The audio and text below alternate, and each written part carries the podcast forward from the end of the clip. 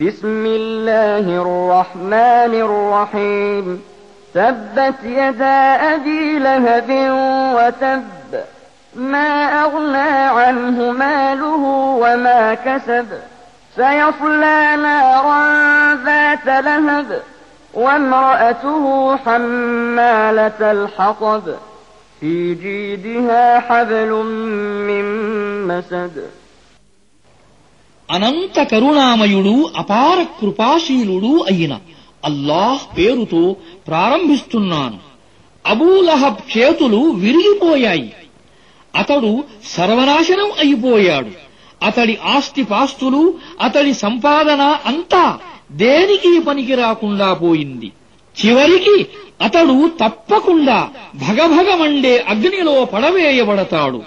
అంతేకాదు అతడితో పాటు అతడి భార్య కూడా అందులో పడవేయబడుతుంది. ఆమె చాడీలు చెబుతూ కలహాలు రేపే స్త్రీ. ఆమె మెడలో బాగా పేనిన ఒక త్రాడు ఉంటుంది.